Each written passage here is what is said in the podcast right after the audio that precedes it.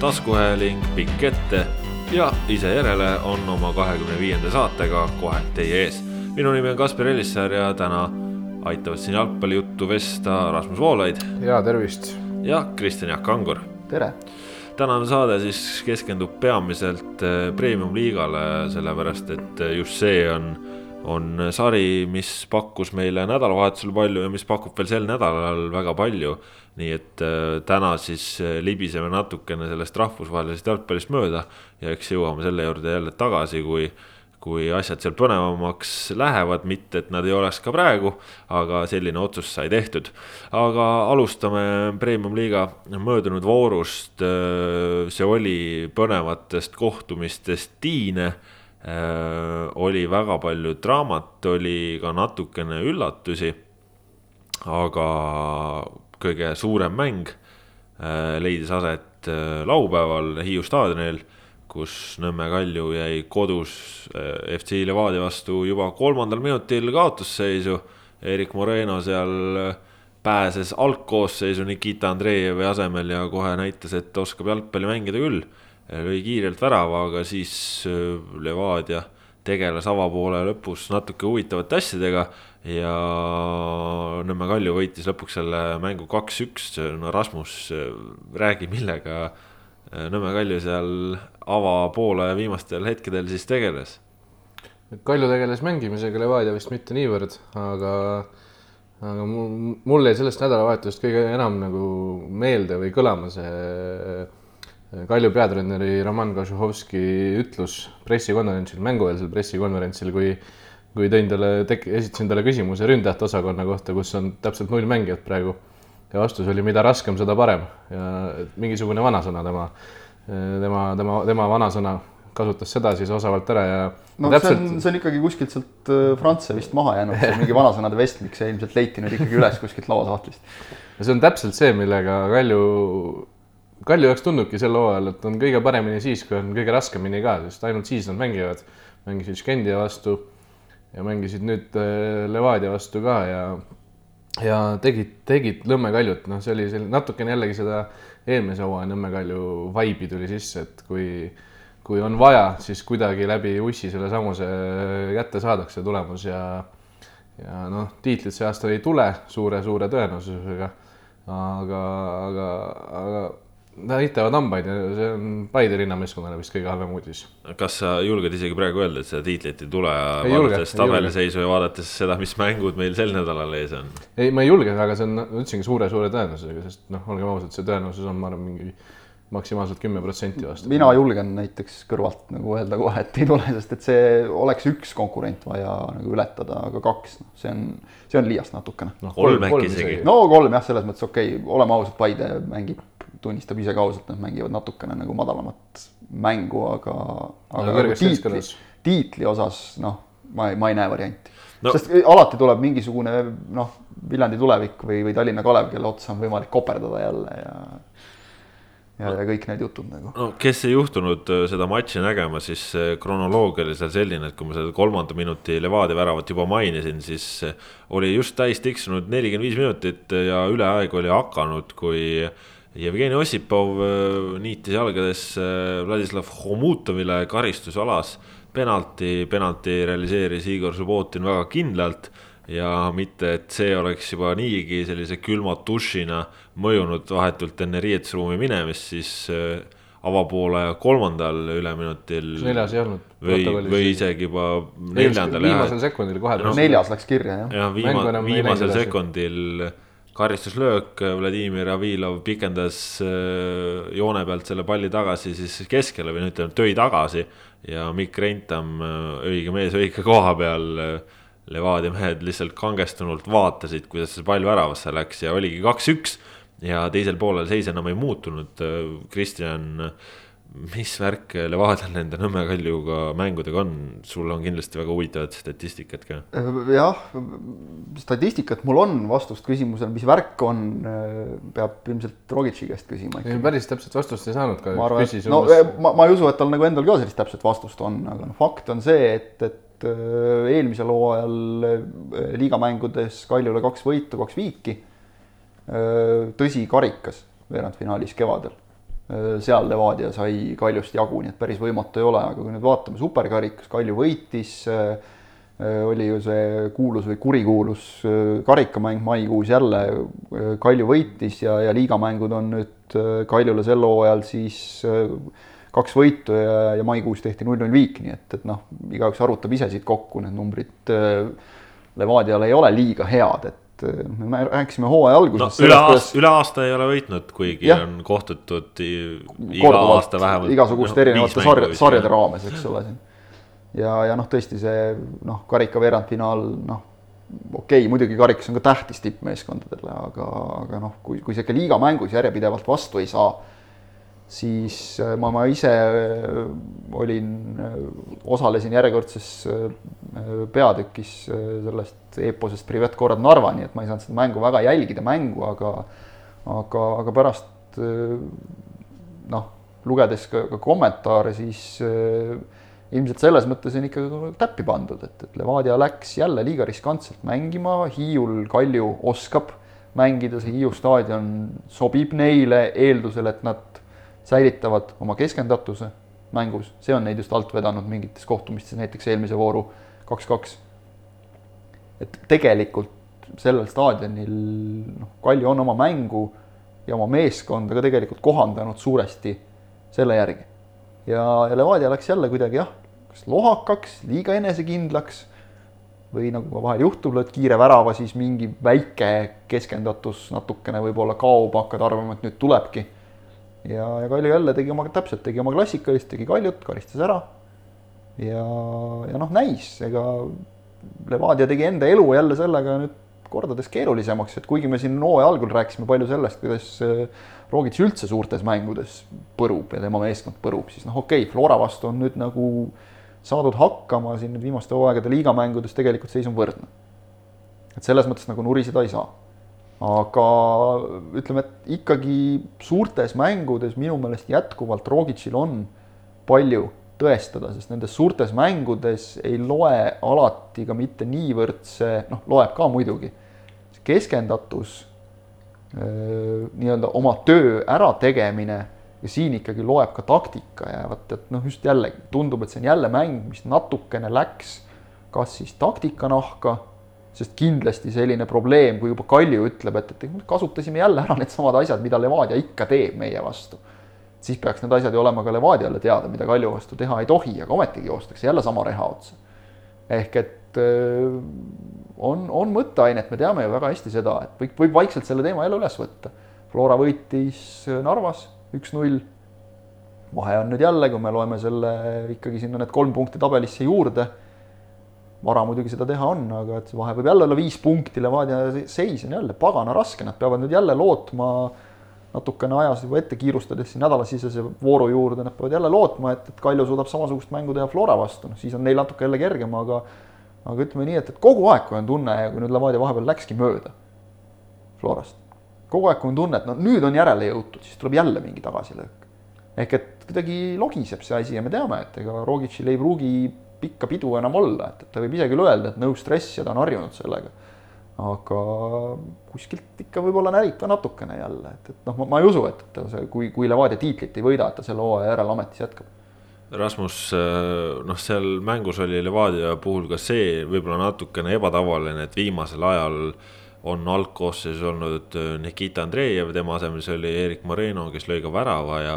ja keskväljal, kui viimasel ajal ikkagi Marek Kaljumäe seal päris kindel olnud, siis nüüd oli Juri Tkatšuk äh, tagasi põhikoosseisus, kas ja kuidas see Levadia mängu muutis, mõjutas? ma arvan, et Moreno praktiliselt mitte üldse, sest ta ju alustas korralikult, lõi värava oli, ta oli päris hea tegelikult minu arust. Äh, ja Andreevi tuleku järel nagu seal osakonnas iseenesest nagu mingit suurt muutust minu arust ei olnud, aga võib-olla see Tkatšuk ja Kaljumäe asi küll, et äh, nagu, nagu äh, Reintam ka ütles, et Kalju, Levadia mängis väga riskantselt, andis nii-öelda rumalaid sööte ja mille järel Kalju sai palli kätte ja see nagu selle pealt Kalju ennast nagu seda enesekindlust keris, keris, keris, keris kuni, kuni siis avapoole lõpus ära ka realiseeriti ja et võib-olla, kui oleks olnud Kaljumäe, siis jah, siis oleks äkki olnud natuke turvalisem, sest Katšuk ei olnud kuigi serav, just alles tuli tagasi ka.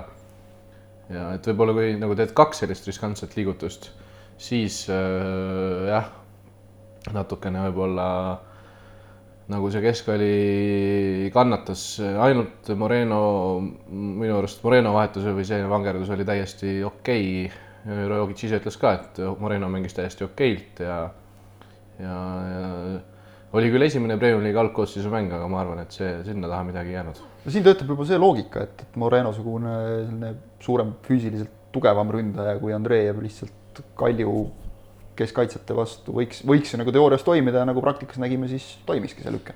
selles mõttes väga loogiline samm tegelikult ja kui sul on Andreevi-sugune mees vajadusel pingilt tuua mängu muutma, siis see ei ole ka üldse mitte paha, lihtsalt noh, praegu see ei realiseerunud.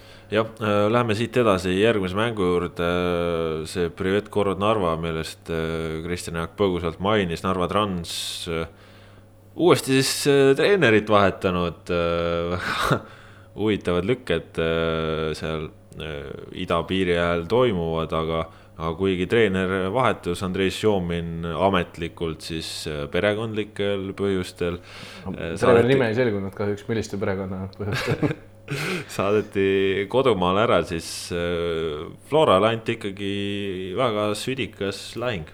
jah, ma ei kujuta ette, palju seal nüüd oma osa oli sellel, et, et neljakohaline publiku arv ja noh, selline, kes ei tea, siis Eesti legendid versus Zenit tuhat üheksasada kaheksakümmend neli, sellise nimega meeskond, kuhu siis igasuguseid noh, erinevatest Peterburi seniidi ajajärkudest kokku koondatud vanemaid-nooremaid staare. Varssavinit ei näinud kahjuks. Varssavi oleks võinud hobusega tulla, nagu ta ühel klubist koju läks. võib-olla ei saanud hobusega üle piiri, võib-olla selles oligi asi.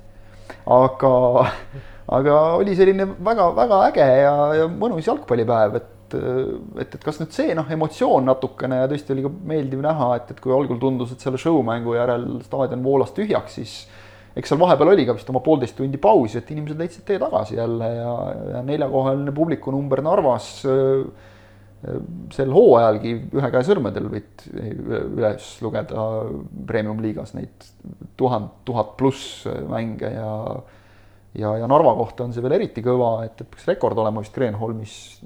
üldse Ida, Ida, Ida-Viru rekord. no üldse Ida-Viru rekord jah. et, et samas kuidagi nagu see mäng ei läinud käima huvitaval kombel. et oli näha, et, et Narva meeste noh, emotsioon oli nagu täitsa tipp-topp ja, ja suhtumine ja, ja mängule minek oli kõik väga paigas. aga nii-öelda kuidagi nagu nulliti ära teineteist ehk noh, Trans seisis väga, seekord väga kindlalt, distsiplineeritult, rahulikult kaitses.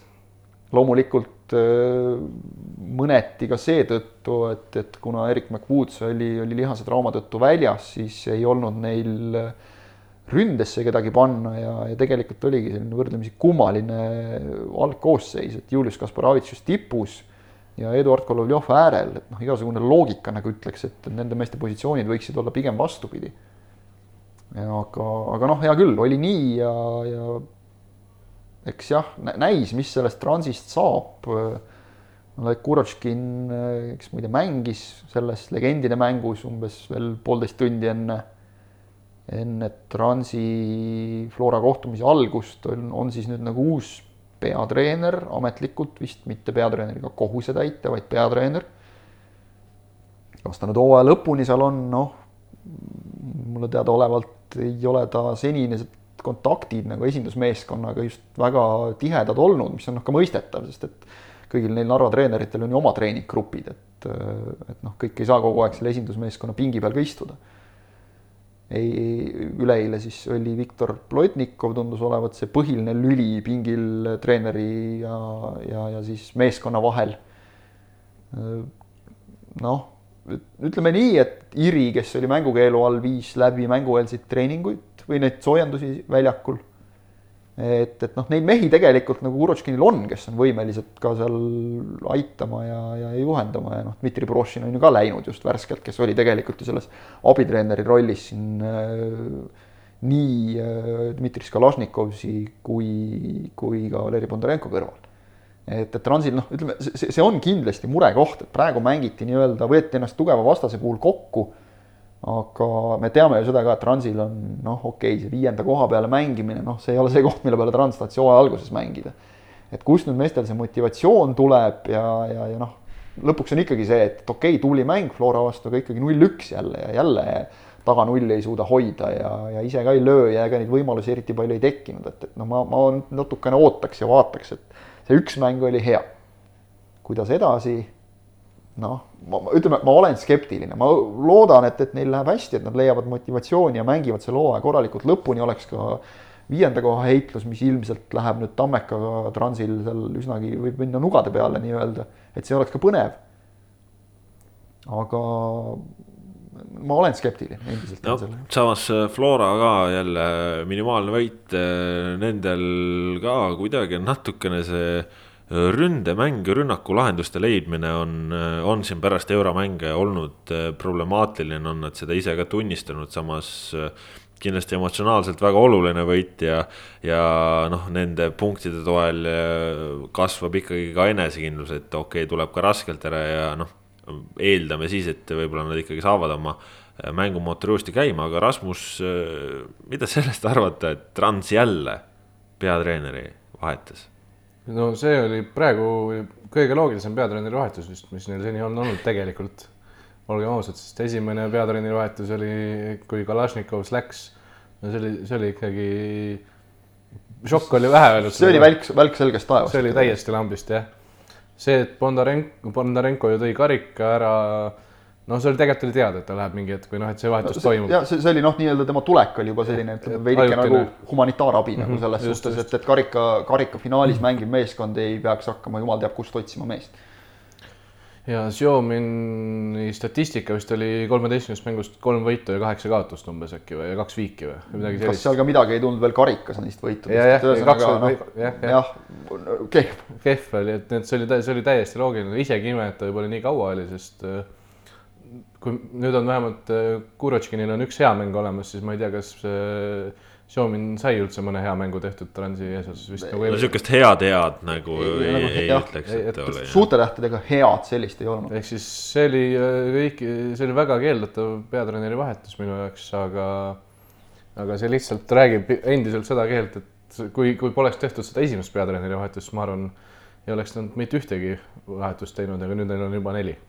no see Xiaomini, Xiaomini toomine oli tegelikult juba selles mõttes ühelt poolt Trans on selliseid liigutusi teinud varemgi et noh, ei saa nagu otseselt nagu üllatavaks nimetada, aga kui sa vaatad Xiaomini eelnevat viimased paar aastat, viimased paar, paar aastat on täiesti okei okay klubi juba olnud. jah, oligi nagu mõistlik, oli Adjam Kuzjajev, kes, kes tegi korralikku tööd, noh jällegi me ei tea täpselt, mis, mis hetkel või mismoodi seal nagu suusad risti läksid, et noh, ju siis oli põhjus, et ega nüüd keegi nagu niisama nagu nalja pärast ei hakka ka treenerit minema saatma.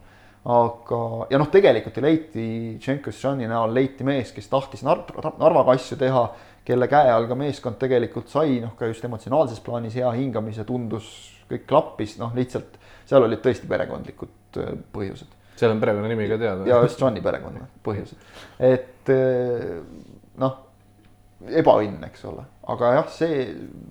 ja siis saadi ka normaalne treener, kes, kes tahtis olla ja tegi head tööd. ja, ja kellega mängijad tahtsid olla, et et, et noh, Xiaomini toomine oli selles mõttes nagu juba kummaline, et, et noh, tegelikult oleks võinud siis juba, ma ei tea jälle ma ei tea asjaolusid, kas, kui palju töö, milline töökoormus on Jagudinil, et, et noh, mehi nagu on võtta tegelikult sealt klubist, et selles mõttes Kuratškin on loogiline treener, et äh, ta on, ta on klubi seest ikkagi, ta teab noh, selle klubi ütleme põhimõtteid. Äh, noh, okei okay,, kui ta ka ei ole seal trennides võib-olla nii palju saanud kohal olla, eks ole, see ei ole tema töö seni olnud, siis noh, tal nagu asjadega enese kurssi viimine peaks tegelikult käima, ütleme no maksimum ühe-kahe mänguga et, et see selles mõttes muidugi ilmselt arvestades praegu ka, et, et noh, Transi jaoks nii-öelda suur mäng selleks hooajaks on mängitud, oleks mõistlik hoida Võrškini hooaja lõpuni, välja arvatud juhul, kui nad leiavad nüüd endale kellegi, kes, kes noh, kindlalt saaks öelda ja nagu me nägime Johnny puhul, siis elus lihtsalt kindlalt ei ole midagi, sul tulevad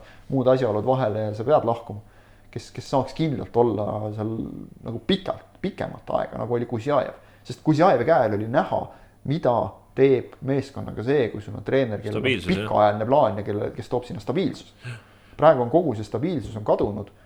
aga noh, näis. eks äh, näis, mis sest äh, Transist saab. Äh, üks mees, kellest me siin juba rääkisime ka, Dmitri Skalašnikovs, möödunud nädalal suur ja üllatuslik tagasitulek Eestimaa pinnale. FC Kuressaare peatreeneriks ta sai, Kuressaare taandas senise lootsi Jan Važinski siis duublitreeneriks ja, ja tuleb siis Kalašnikovs seda Kuressaare rasket seisu parandama, sest kui siin Kuressaare on kolmeteist mängu jooksul saanud äh, kaks viiki, siis kahtlemata olukord on raske ja, ja see seitsmes koht, mis vahepeal oli veel väga kindel ja, ja kus veel ka vooru alguses oldi, siis nüüd ollakse ka ametlikult üheksandal kohal. ja, ja elu on ikkagi raske ja Dmitri Skalasnikov siis tõesti neljapäeval treeneriks nimetati, neljapäeva õhtul tegi ka trenni ja reedel siis kohe Saaremaal mäng Tartu Tammekaga väga hirmsa tuule käes, see mäng toimus Kuressaare kaotas selle mängu null-üks, värav lõi Patrik Enro Veelmaa taas väga ilusa, taas sellise noh, natuke nagu tühjast kohast, ehk siis tuli ootamatu Joonas Soomre seal, ütleme, et pool sammu jäi markeerimisega maha, aga oli raske oodata ka, et sealt võiks üldse sellisel hetkel selline löök tulla, aga Veelmaa näitas, et äh, suudab teha kõike, läks löögile, pani ära ja, ja lõpuks Tammekal sellest võidust piisas võiduks piisas. aga noh, Kalašnikovs nüüd äh, Kuressaares, äh, väga suur ülesanne tal ees seisab, äh, väga suured väljakutsed ka, sest noh, kui ta Transis tegeles ikkagi profimeeskonnaga, siis Kuressaare on puhas amatöörsats ja kui Kalašnikovsiga reede õhtul pärast mängu vestlesin, siis noh, ta ütles, et ega seal suurt vahet ei ole, kas on amatöörid või profid, et vahe tuleb siis, kui sa ei saa mängijaid trenni. et äh, kui sul mängijad on trennis, siis äh, töö peab käima ikka professionaalselt ja tema ütles ka klubile, et tal ei ole vahet, äh, kui trennid on erinevatel päevadel, erinevatel kellaaegadel, ehk siis nii-öelda justkui kaob stabiilsus, tema jaoks on oluline, et mängijad oleksid kohal, ehk siis nii, kuidas töömeestel on, tuleb lihtsalt sättida, et kõik saaksid tulla ja, ja on vaja teha meestega trenni, et kui ta saab teha seda tööd Äh, kõikide mängi-, mängijatega, siis saab talt midagi nõuda. aga kui on tal üks päev trennis äh, kaksteist mängijat ja üks väravaht, siis ta ütles, sellisel juhul ei saa nõuda klubi minult tulemust ja, ja mina ei suuda seda ka pakkuda. väga aus jutt, sest nii ongi täpselt. täpselt. selles mõttes, et siis ei saa treenerilt mitte midagi nõuda ja noh, ma arvan, et ega Kuressaare ei lähe nagu nõudma ka sellisel juhul, et, et äh, seal ju teatakse, milline olukord on ja antakse endale aru, aga, ei, see on väga, noh, mulle meeldib selles mõttes, et see on nagu kui, kui isegi juba, eks ole, ütleb ja ma arvan, et, et äh, nagu Sander Kapper ütles pärast mängu, mängujärgses Intekas, et, et noh, Kuressaare, et meil oli ka šokk, et Kuressaare, kellel ei ole mitte ühtegi välismängijat, toob endale nüüd välismaalt treeneri.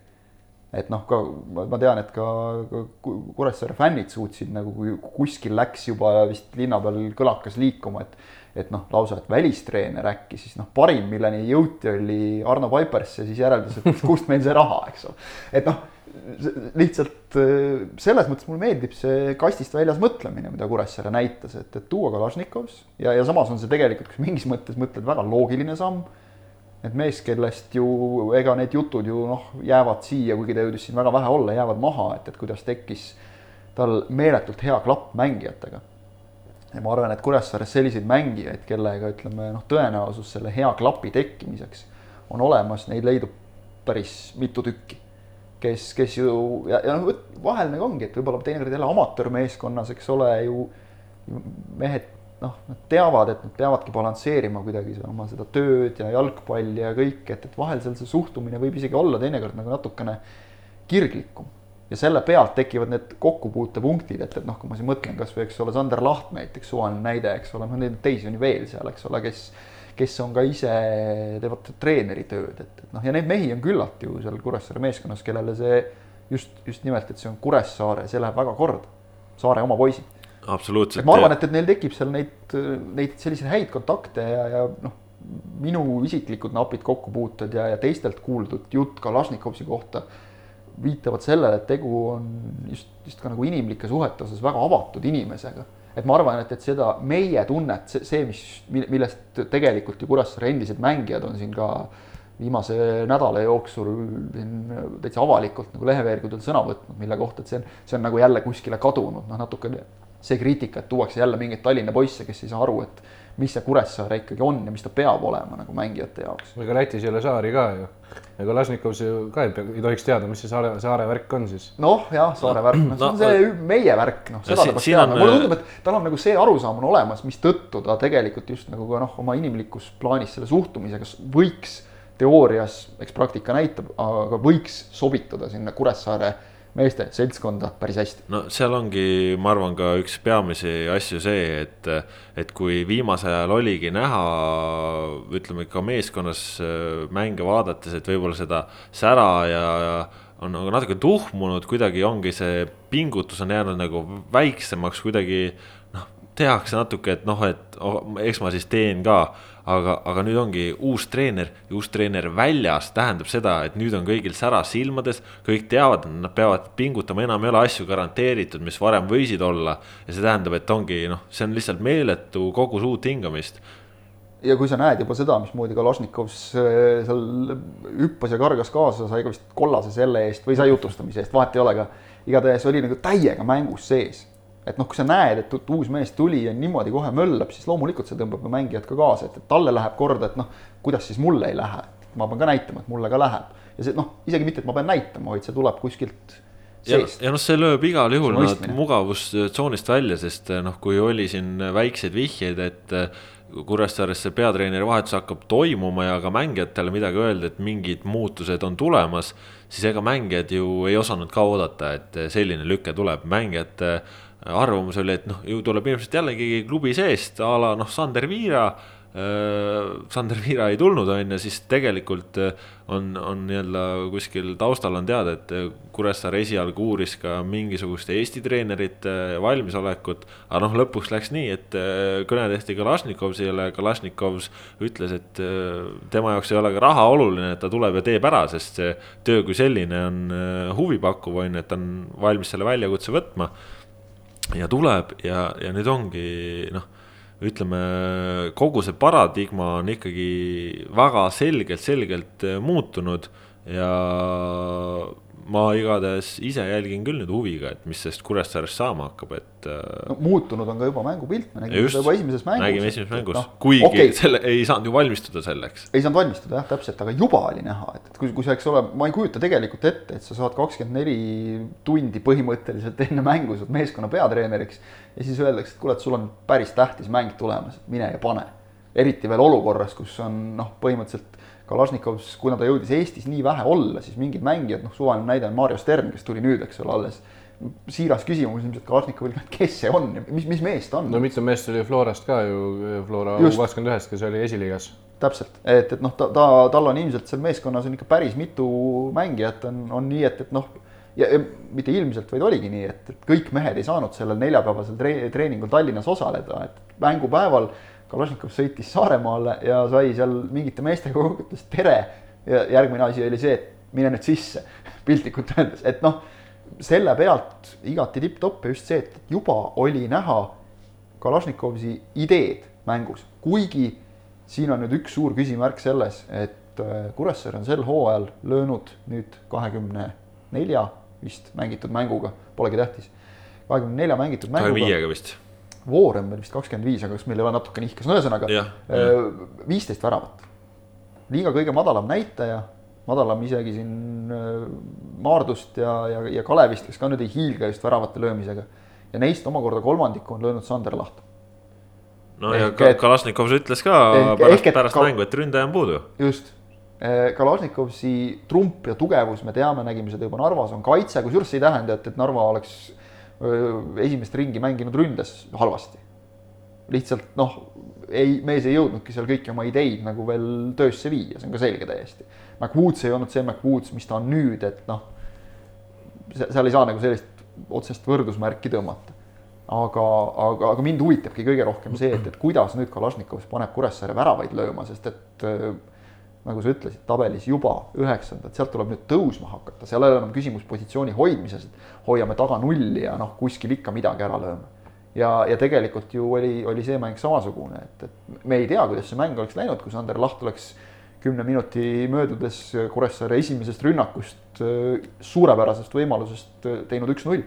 võib-olla oleks see löönud Tammekal jalad alt ma ootasin ka, millal me siia jõuame, sest äh, see on ka minu jaoks suurim küsimärk, kuna äh, Narva oli väga selgelt tulemusele orienteeritud Kalašnikovsi käe all, käe all ja, ja seal oli natukene rohkem seda materjali, millega, millega hammustada ka suuri, mäletame, et Kalju vist null-null Narvas, Narvas Kalašnikovs. teine voor vist kohe. Kalašnikovs läkski väga selgelt nagu null-nulli mängima, et kas Kuressaarega sellesama koosseisuga saab näiteks minna Kalju vastu nii selgelt null-nulli mängima, et põhimõtteliselt ründe, ründemängu nagu välistadki, välistadki enda mänguplaanist ja nii edasi, et kas, kas, kas Kuressaares on sedasama materjali, et mängida samasugust mängu või, või ta midagi muudab vastavalt ja mis, mis, mida me siis nägema hakkame ja nii edasi, et mõned küsimused on, aga Kalašnikovsi toomine tundub, tundub suhteliselt huvitav, jah. Noh, ja lõpetuseks paar sõna Tartu Tammekast ka, aga tõesti vaid paar sõna.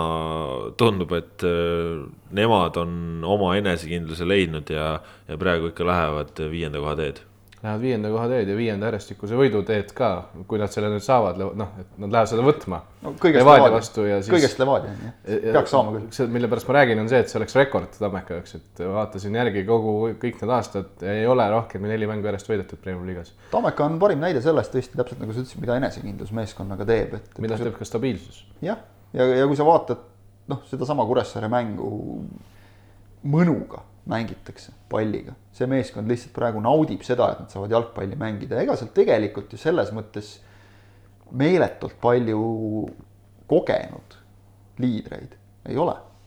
aga e-, see ei paista nagu mitte kedagi huvitavat, seesama Veelmaa, noh, see Veelmaa värav oli täpselt selline, et, et kaua te lükkate seda palli, ma panen ära. panigi. ja pani jah. ja panigi ja, ja see ei olnud mitte ainu-, ainuke sähvatus tema mängus, vaid noh, mul jäi meelde mingi episood, kus ta lihtsalt võttis kolm Kuressaare meest ette ja ei saadud muud moodi maha kui veaga. lihtsalt seitsmeteistaastasel mängijal tuleb järsku mõnest õnnestumisest selline enesekindlus. see on, on vägev, nüüd jääb loota, et Tammekal see, ütleme, on vundament järgmisteks hooaegadeks, et jälle kuidagi ära ei vajuta, sest no. tegelikult on ka eelmistel aastatel Tammekal olnud neid hetki, et, et no nii, nüüd on tehtud samm edasi, nüüd siia hakkame ehitama ja siis kuidagi jälle vajub see asi no, laiali, et Tammekal oleks nüüd vaja nagu seda stabiilsust. no nende noortega on see ka, et, et see enesekindlus on ülivajalik, et see tuleks õnnestumistest ja, ja siis tuleb ka enesekindlalt jätkata. aga siin on see võtmeasi, mis on väga paljudel Eesti noortel jalgpalluritel, et ei tohi ülbeks minna. kui sa lähed ülbeks ja hakkadki arvama, et noh, nagu tõsimeeli, et see ongi tõesti see enesekindlus muutub nagu rämedaks ülbuseks, siis hakkad ennast liiga hästi arvama ja siis sorry, su karjäärist ei saa asja, nii et loodame, et Veelmaa ja teised seal no, ülbeks ei lähe. Öeldakse jah, et üks asi ei tohi pähe lüüa. siis, siis on kõik hästi, nagu ütles kunagi vist Andres Sõber, et siis võib teist ise ka asja saada, kui teil see pähe ei löö. No loodame, et ei löö, läheme edasi pühapäeva juurde, Viljandi tulevik, Tallinna Kalev üks-üks, see mäng oli selline, kus kumbki ei tahtnud kaotada ja lõpuks ei kaotatudki ja, ja saadi punkt ja kindlasti see punkt on parem kui mitte midagi. no ja. on, on küll jah. et ega seal noh, ütleme. no see, seal oleks mõlemale kaotus olnud ikka väga-väga valus alla neelata, et ma arvan, et selle punktiga eriti vaadates seda, et Kuressaare kaotas, et Maardu kaotas, ma usun, et jäävad jäävad mõlemad rahule, et noh, Viljandil oli siin väga pikk selline nullirida ja, ja, ja Kalevile ka kulub jälle üks sihuke tulemus, mis ka tabelisse midagi annab, kulub ära, et, eks ta oli selline suhteliselt, saab vist kasutada seda ilusat jalgpalliterminit, sumbuurne mäng. no mitte, mitte oleks... nagu igav, vaid selline hästi võimalustevaene võim,. võimalustevaene küll, aga samas nagu noh toimus. nii palju oli mängus, et, et oli nagu pinge oli ikkagi olemas. suure kaaluga, jah. sama tegelikult ka ju Kuressaare Tammeka mängu kohta, et ega seal nagu mega palju võimalusi ei olnud. Aga, aga selline mõnus pinge oli kogu aeg mängus sees, et tegelikult minu meelest seda võib üldse öelda tagumise otsa mängude kohta, et, et kui ka meeletult palju seal võib-olla ütleme individuaalse mingi klassi väikse noh, puudumise tõttu või selle nappimise tõttu nagu väga palju võimalusi ei tekitata, siis, siis mängud on ikkagi huvitavad Äh, üks mäng, mis oli ühepoolne, oli, oli see teine mäng, mis pühapäeval toimus. Paide võitis viis-null Maardu linnameeskonda. Äh, lõpuks siis statistikas Henri Väljale kaks väravat ja kolm väravasöötu, viies väravas osaline olla pole paha. Rasmus, mis sa arvad? ei ole paha jah, olen mina siis see mees, kes jõudis juba välja, välja hõigata ka tema kübaratriki. aga, aga Henri Välja oli ise nii hea inimene ma usun, et seda video pealt ei oleks tuvastatud võib-olla isegi ja, ja vaevalt ka kohtunik nägi, nägi seda ja ja ma arvan, et eh, kui ta oleks suu kinni hoidnud, siis ta oleks täna kübaratrüki autor, aga. Ja oleks oli... Eesti meistriliiga kõigi aegade tabelis kolmas. napilt kolmas, kolmas., kahe päevaga. kaks, oleks kaks päeva nii-öelda, oleks see mäng toimunud neljapäeval, siis ta oleks eh, teiseks tõusnud. aga toimus pühapäeval ja, ja ühe värava sai siis Andrei Frolov, kuna Henri Välja ise hea inimesena ütles, et meeskonna kapten Frolov sai seal, sai seal varba vahele. kapteniga tasub häid suhteid hoida ka muidugi, selles mõttes no ilmselt pikas plaanis õige käik, aga aga noh, see mäng jah, sellest vist selles mõttes väga palju ei ole rääkida, et Paide näitas seda, mida nad sel hooajal on korduvalt näidanud, et nad lükkavad kohe sellistes mängudes nad võtavad nagu väga hea meelega selle soosiku rolli. Nad lükkavad kohe käigu täiega sisse, löövad ära ühe, siis kui väga hästi välja tuleb, löövad ka teise, okei okay,, natuke oli õnne mõlema värava puhul aga, aga, aga see oli täiesti teenitud õnn, sest et läks vist umbes pool tundi, enne kui Maardul õnnestus üks noh, esimene selline tõeliselt ohtlik rünnak. tõeliselt ohtlik on palju öelda. korraldada, no pealelöögini jõudsid, selles mõttes korraliku, enda kohta. korraliku pealelöögini jõudsid. tegelikult korraks oli esimesel poolel mingi selline moment, kus Maardu sai nagu noh, selge, et Paide ei suuda ka nelikümmend viis minutit pressida, ükski meeskond ei suuda. Äh, Maardus sai nagu korraks mingisuguse väikese initsiatiivi mängus kätte ja, ja isegi noh, ütleme, et kaks-üks oli hästi kergelt korraks õhus. Aga siis äh, tuli muidugi sealt jälle, Maardu unustas ennast liiga üles, tuli kontra, tuli penalti äh,. teise poole alguses kohe vist veel vähem, kiiremini kui esimese poole alguses löödi veel värav ja noh, siis oli kõik, siis oli kõik läinud juba ammu. aga noh, reaalselt muidugi takkajärgi vaadates see mäng oli läinud Maardu jaoks esimese viieteist minutiga, et see, see on asi, mis mis ütleme, Maardut natukene minu meelest, see on subjektiivne tunne võib-olla, aga minu meelest natukene eristab nendest teistest otsestest konkurentidest, et nad, nad on, ütleme jutumärkides võimelised nagu mängu alguses täielikult lagunema, andma selle mängu ära kohe esimese kümne-viieteist minutiga ja sealt üldiselt enam tagasi mängu ei roni ja Paide poolelt tegi oma debüüdiga uus Kambja mees Patrick Silva jättis täitsa jalgpalluri mulje, nii nagu kuulda-näha oli, saame siis põnevusega jälgida. No oli vormis. milliseks tema saatus kujuneb? oli nagu vormis ja, ja mängis ja, ja tegi, et viisteist minutit võib-olla vähe, aga noh pani siin ülevaate sai juba, et on mängumees, et. pani siin duubli eest ka korralikud minutid juba ja, ja usun, et tundus huvitav mees, et, et ootame ja vaatame aga läheme siis siit natuke ka selle juurde, mis meid sel nädalal ees ootab. nimelt kaks premium-liiga vooru, teisipäev, kolmapäev on esimesed mängud, teisipäeval üks, nelja, vabandust, kolmapäeval neli mängu ja siis nädalavahetusel tuleb veel uus voor peale. käime põgusalt need nädalasisesed mängud üle. Mm, kõigepealt Tammeka Levadia teisipäeval noh, Levadia tuleb äh, keerulise seisu pealt, Tammeka tuleb äh, hea seisu pealt, Rasmus, mis sa arvad, mida see mäng toob? no see mäng toob selle, et äh, Tammeka jaoks on päris palju tõestada, et ükskord mängisid Levadiaga, said räige, räige koslep, et no seda ei taha, ei taha kindlasti lasta juhtuda uuesti ja ja tõenäoliselt ei juhtu ka, sest no Tammeka on praegu vist augustikuus olnud selline kõige, kõige kuumem meeskond liigas põhimõtteliselt ja jahitakse enda enda rekordit ja kui, kui suudetakse jalad maa peal hoida, siis ma arvan, et see mäng võib tulla väga-väga pingeline ja Levadial ei tule midagi kerget, aga kui Tammeka nii-öelda läheb hurraa pealt tegema, siis, siis võib minna ka nende jaoks halvasti. Kristjan Jaak, noh, Kalju vastu Aleksandr Rogic ütles, et nendel seisis vastas maailmaklassi väravaht Pavel Londak, tõesti maailma parimatega. Roogis teda võrdles, kas Karl-Juhan Pehteris on sama palju sisu? Mm, ütleme, et võib-olla, ei välistaks. aga, aga ma arvan, et, et Pehter seal üksinda ilmselt ei, ei päästa palju, et, et täpselt see, mis sa ütlesid, et kui kui ei, ei hakata endast liiga palju arvama, siis, siis on võimalus.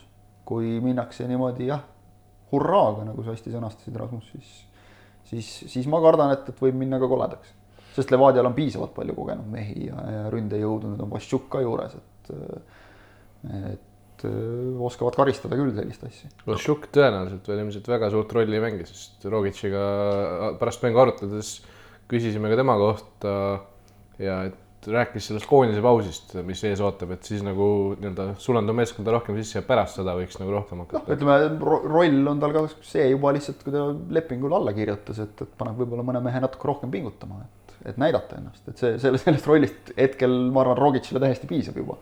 las ta mängib seda, täidab seda rolli ja noh, jah, ütleme üks, üks üllatus oleks ju vahva jälle. nii, järgmine mäng, Maardu linnameeskond, Viljandi tulevik, olgu öeldud, et praegu on tabeli tagumine nelik kahe punkti sees. ja Maardu vajab hädasti punkte ja tulevik veel rohkem. Kristjan Jaak, sinu hinnang, mida võib oodata? sõltub väga palju ka nüüd sellest, kui tõsine Indrek Ilvese vigastus on, mille tõttu ta mängust pidi lahkuma, et noh, Ilves on üks mängumuutja. ütleme noh, Maardul on jälle kõik on selles suhtumises ja keskendumises kinni, et, et üldiselt Maardu on ikkagi näidanud, et et omasuguste vastu hooaja teises pooles on mängitud väga südilt ja, ja targalt ja tublilt. Jasper vist on küll endiselt paraku eemal, et selles mõttes üks kõva relv on neil puudu, ma ei noh, ma ei taha uskuda, näiteks nad läksid Paide vastu ikkagi mängima noh, nagu täiesti nii-öelda tões ja vaimus, aga aga ma, ma arvan küll, et enne oli natukene nagu seda asja mõeldud, et noh, see meie mäng on ikkagi nüüd kõige tähtsam mäng on tulevikuga. ka tegi Andrei Borissov seal mängus juba Paide vastu noh, mõneti selle seisu tõttu sai, sai ka rahumeeli neid teha, tegi vahetusi, mis ilmselgelt viitasid sellele, Ilja Zelentsov näiteks võeti välja suhteliselt varakult, et, et noh, ikkagi rõhk on sellel tulevikumängul, midagi sealt ennustada on väga keeruline, sellest võib täiesti vabalt tulla täpselt sama selline kinnine mäng, nagu oli, aga võitluslik mäng, nagu oli nüüd tulevik Kalev, sest et noh, eriti just Maardule kaotus oleks ikka väga-väga kõva pauk. no tead, samas Maardu ei ole väga kinnist mängu näidanud, nii et Tõsi. äh, pigem võib-olla tuleb äkki just palju väravaid ükskõik kummalt poolt. jah, samas Ma- palju ma- ma palju on meeskonnad-, palju väravaid on raske loota, noh. ütleme tulevikul siin äh, ja Nuula seal tipuründes pole ka ennast veel nagu päris märki nagu maha saanud. pole et... nagu saanud jah käima ennast, et, et noh, ikkagi suuresti Kaimar Saagile tuleb loota, et äh, viimaseski mängus nüüd Janar Õunap jälle tegi skoori. et eks neil, eks neil ole nagu mulle tundub, neil meeskondadel mõlemal natukene sarnased mured, et ma paneks nad ikka, ikka üsna võrdselt nagu kaaludele praegu, et, et väga, raske ennustada sellest mängust midagi. Rasmus, Tallinna Kalev, Paide ma linnameeskond. pakun, Paide võidab. siin on vist favoriit jah siin ei läinud nagu väga kaua aega. seal ma panen suhteliselt julgelt Paide, Paidele, sest Paide on vist selle alumise kuuiku vastu kaks korda selle hooaja jooksul, nii et kolmandat ei tule. Neist ka üks oli Trans, eks ole, ja, ja teine oli Viljandi, et noh, jah üks mäng, kust võib aga nii mõndagi oodata, mis kujuneb väga huvitavaks, on Narva Trans FC Kuressaare ja seda peamiselt äh, põhjusel Dmitri Kalasnikovs äh, tagasi koju minek nii-öelda.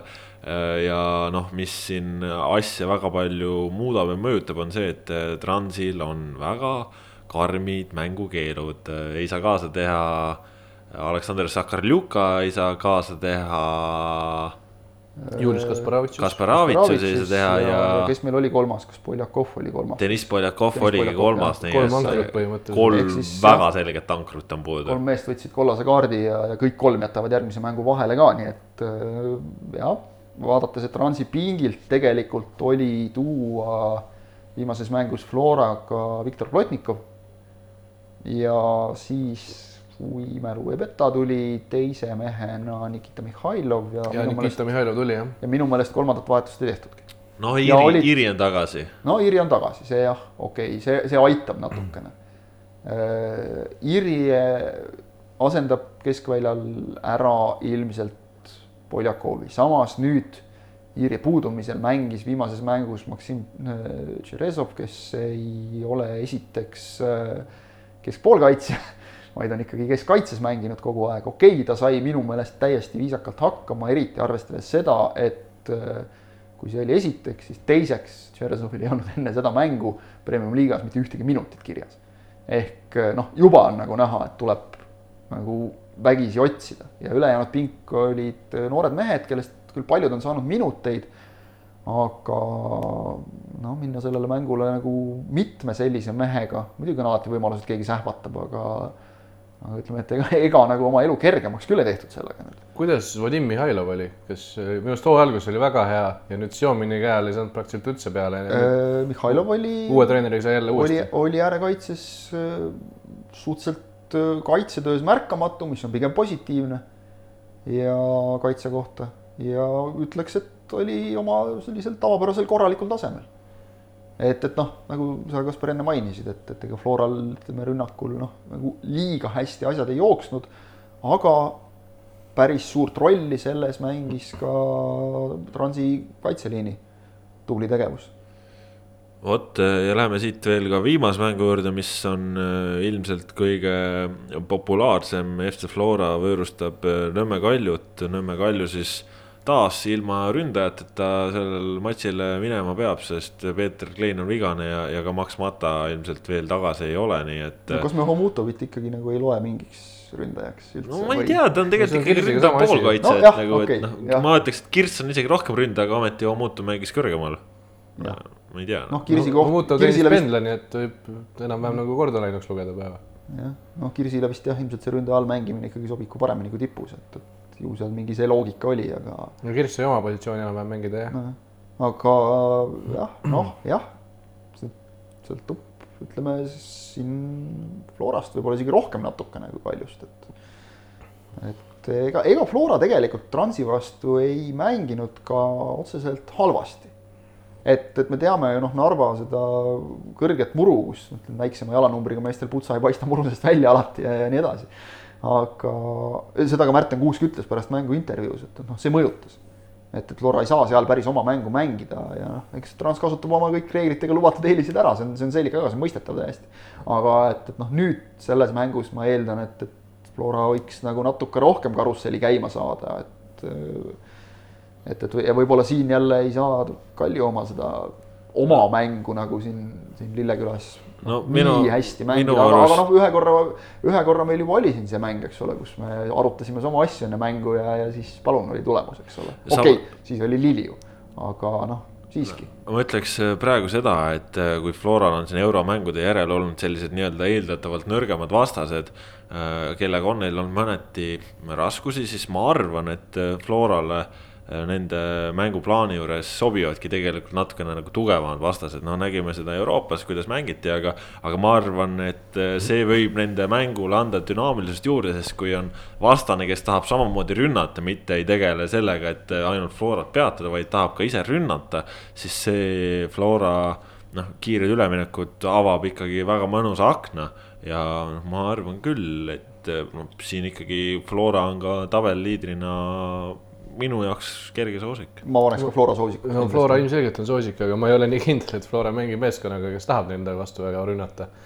see on küsimus, seda nad ei no, taha. ütleme, et Kalju lihtsalt väga sirgjooneliselt tagant ette ja nii, nii nad ju teevad kogu aeg. ma mõtlesin nagu sama asja just hetk tagasi oma peas ja siis jõudsin kohe järgmise asjana selleni, et Kalju, ma kardan, ei saa endale lubada väga selles mängus viigi peale mängimist. kui ei me mõtleme Paide peale, tabeli seisu peale. absoluutselt ei saa et see võib siin noh, nii-öelda selles mõttes päästa, muidu aga, oleksin ma sinuga nõus. aga et, nende et plaan ju ongi tihtilugu no, see, noh, neil niikuinii tekib variante, isegi kui nad ei mängi nii-öelda ründavat mängu, neil ikka tekib variante ja noh, ega neil väga palju. ei noh, plaan on, Kalju plaan on sel hooajal lihtne, eks ole. Neil on väga, väga palju variante on Levadia vastu ka vaja. seisame üheksakümmend pluss kolm kaitses ja üheksakümmend pluss neli lööme ära, eks ole, lihtne, aga, aga no näis jah et.... mina, noh, Flora on kindel see... soosik, aga ma arvan, et Kalju plaan töötab uuesti. alguses kindlasti Kalju ennustan, läheb väga kaitsvalt mängima. et, et tõenäoliselt ikkagi nende plaan on see, et noh, täpselt, et naljad naljadeks nüüd, aga et esimesed kakskümmend katsume ära seista, siis vaatame edasi. no täpselt see, mis Levadia vastu toimus. jah, kui kiiresti nüüd õnnestub, äh, no seal ei seistud päris. ei, seal ei seistud, aga no, nagu aga, plaan jah, ideaalis. plaan toimis jah, selles mõttes. et väga palju sõltub sellest, et kui kaua Floral läheb värava löömiseks, ütleme siis niipidi näiteks, et, et mida kauem see võtab, seda kauem Kaljul on võimalus seal seista ja istuda ja oodata ja siis tõesti panustada vasturünnakule, sest noh. Floral on Konstantin Vassiljev. ma natukene kahtlen jah, Kalju võimetes nagu seda mängu isegi mitte tahtmises, vaid ka nagu võimetes seda mängu domineerida. praeguse mängijate valiku juures lihtsalt, sest ründeliinis natukene on puudu saame näha, soovitame kõikidel staadionitele tulla, sellepärast et mängud siin kodumaal käes on ja vaadata neid tasub, sest head jalgpalli jagub ja eraldi põhjus on ka see, et nädalasisest vooru Soccernet otsepildis üle ei kanna, need mängud on mujal nii et eh, siis teate, Soccernet eh, premium-liiga ülekannetega tuleb jälle nädalavahetusel siis ka uus voor ja tegelikult eh, põnevaid mänge jagub ka sinna, aga, aga ilmselt ei ole mõtet neist praegu rääkida, kui meil on veel üks voor vahel. samas kahtlemata soovitame Soccernetist jalgpalli vaadata ka sel nädalal, sellepärast et U seitseteist koondis mängib Rootsiga kaks maavõistlust teisipäeval, neljapäeval, need mängud meil on esiliiga ka mõistagi ja noh, reedel suur-suur mäng Eesti-Holland äh, naistekoondised Lillekülas mängimas Holland äh, MM-i hõbe valitsev Euroopa meister, see saab olema ikkagi väga suur mäng. maailma tippjalgpall Eestis jälle.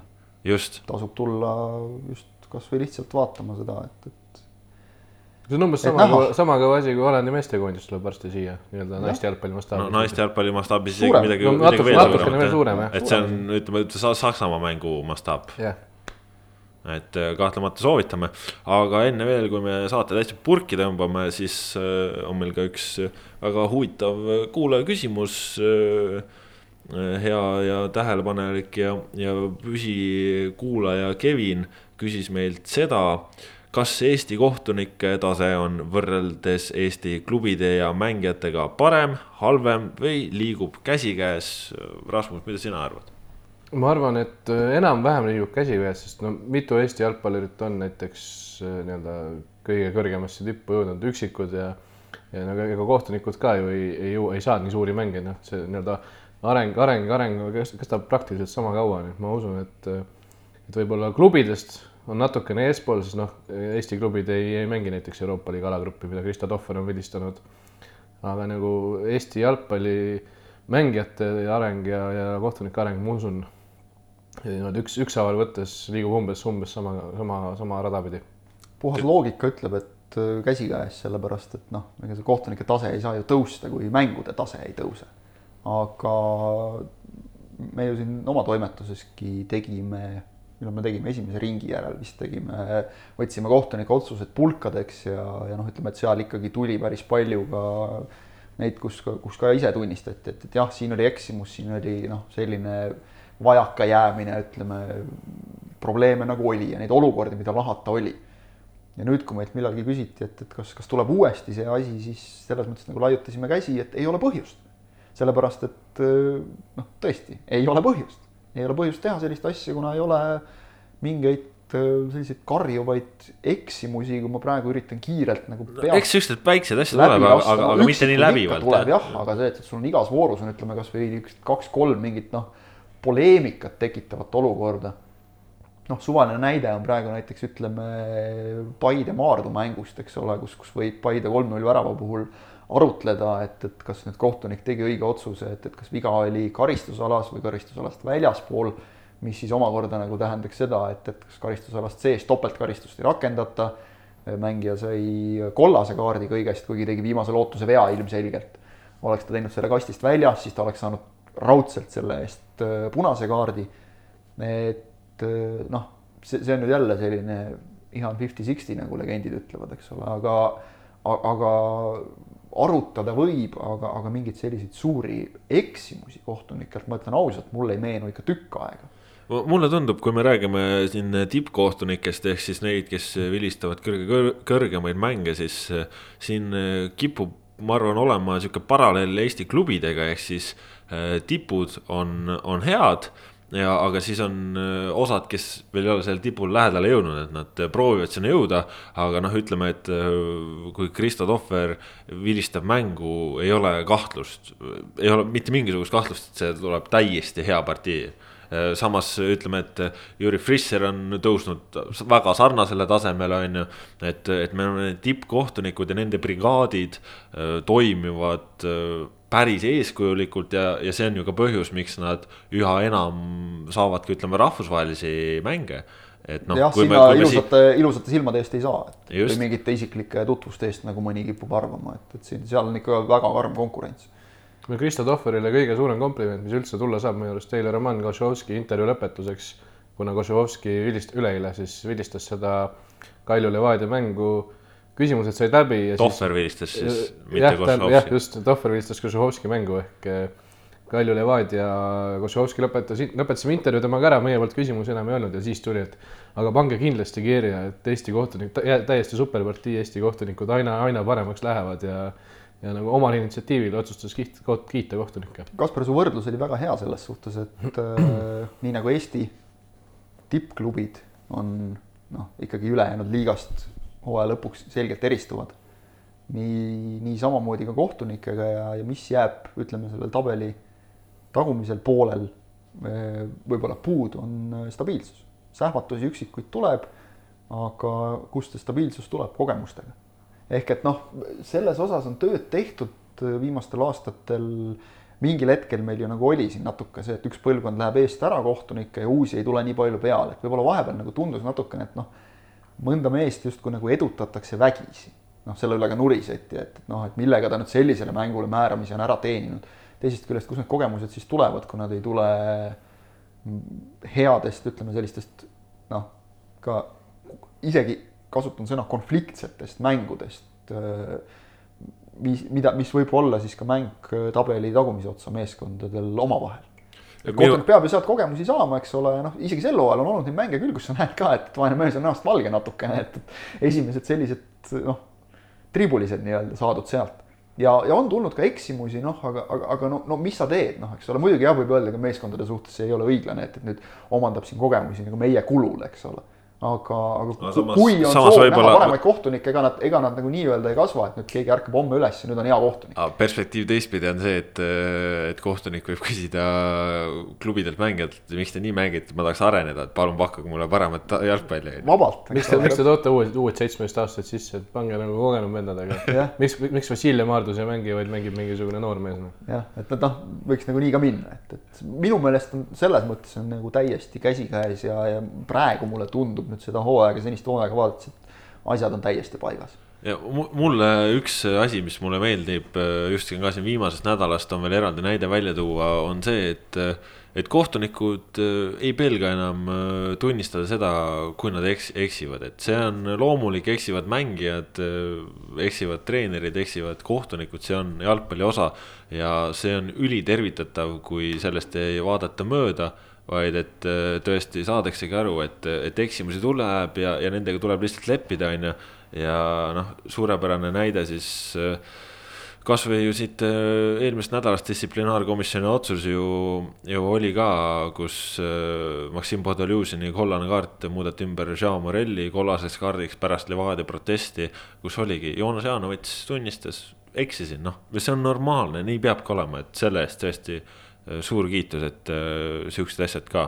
tegelikult nagu seal noh, ei peakski kiitma, see on tõesti nagu sa ütlesid, see ongi normaalne. jah, aga noh, lihtsalt, et, et nagu on, on olnud hästi palju ka sellist nii-öelda noh, ma ei tea, ringkaitse hoiakut mingitel hetkedel on ju, et tundub, et praegu ikka no,. kasvõi seesama see, noh, nagu kiidaks ennast natukene meid ringiga ju, et me selle teema üles võtsime, aga et kohtunikud olid nõus tõesti nagu analüüsima neid vigu ja ka ütlema, et, et siin läks valesti, siin läks valesti, noh, töö käib, ühesõnaga, eks ole, kogemustest, vigadest õpid, et et minu meelest just nimelt äh, sellisel üldse kogu see kohtunike teema puhul avatus on tegelikult asi, mis toimib, et noh, me oleme seda vist ka enne rääkinud, et, et kui on parim näide on tõesti need USA profiliigad, kus, kus räägitakse ka täiesti avalikult, võetakse mäng ette, siin oli õige vile, õige vile, õige vile, siin oli eksimus, eksimus, siin võinuks otsustada nii, aga kohtunik sel põhjusel otsustas naa. no vaataja saab aru, saab ka aru, paneb ennast kohtuniku asemele ja, ja, ja nii on palju lihtsam mõista kohtunikku, et noh. ei, ei ole kohtunik vaenlane, seda võiks nagu noh, mängijad tegelikult ju teavad seda. emotsionaalselt mingil hetkel võib tunduda, et nüüd tegi tohutult liiga, pärast mängu surutakse ikka kätt ja lepitakse ära. ja, ja noh, tegelikult võiks ju pealtvaataja ka seda mõista, et kõik on seal nagu ühe asja eest väljas, et oleks hea jalgpallimäng väga ilusad sõnumid, Kristjan Jaak. tõmbame sellele kahekümne viiendale pikk ette ja ise järele saatele joone alla. tänast saate tõid siis teieni Kaspar Elisser, Rasmus Voolaid ja Kristjan Jaak Kangur. aitäh, et olite meiega, olge meiega jälle, kuulmiseni uuel nädalal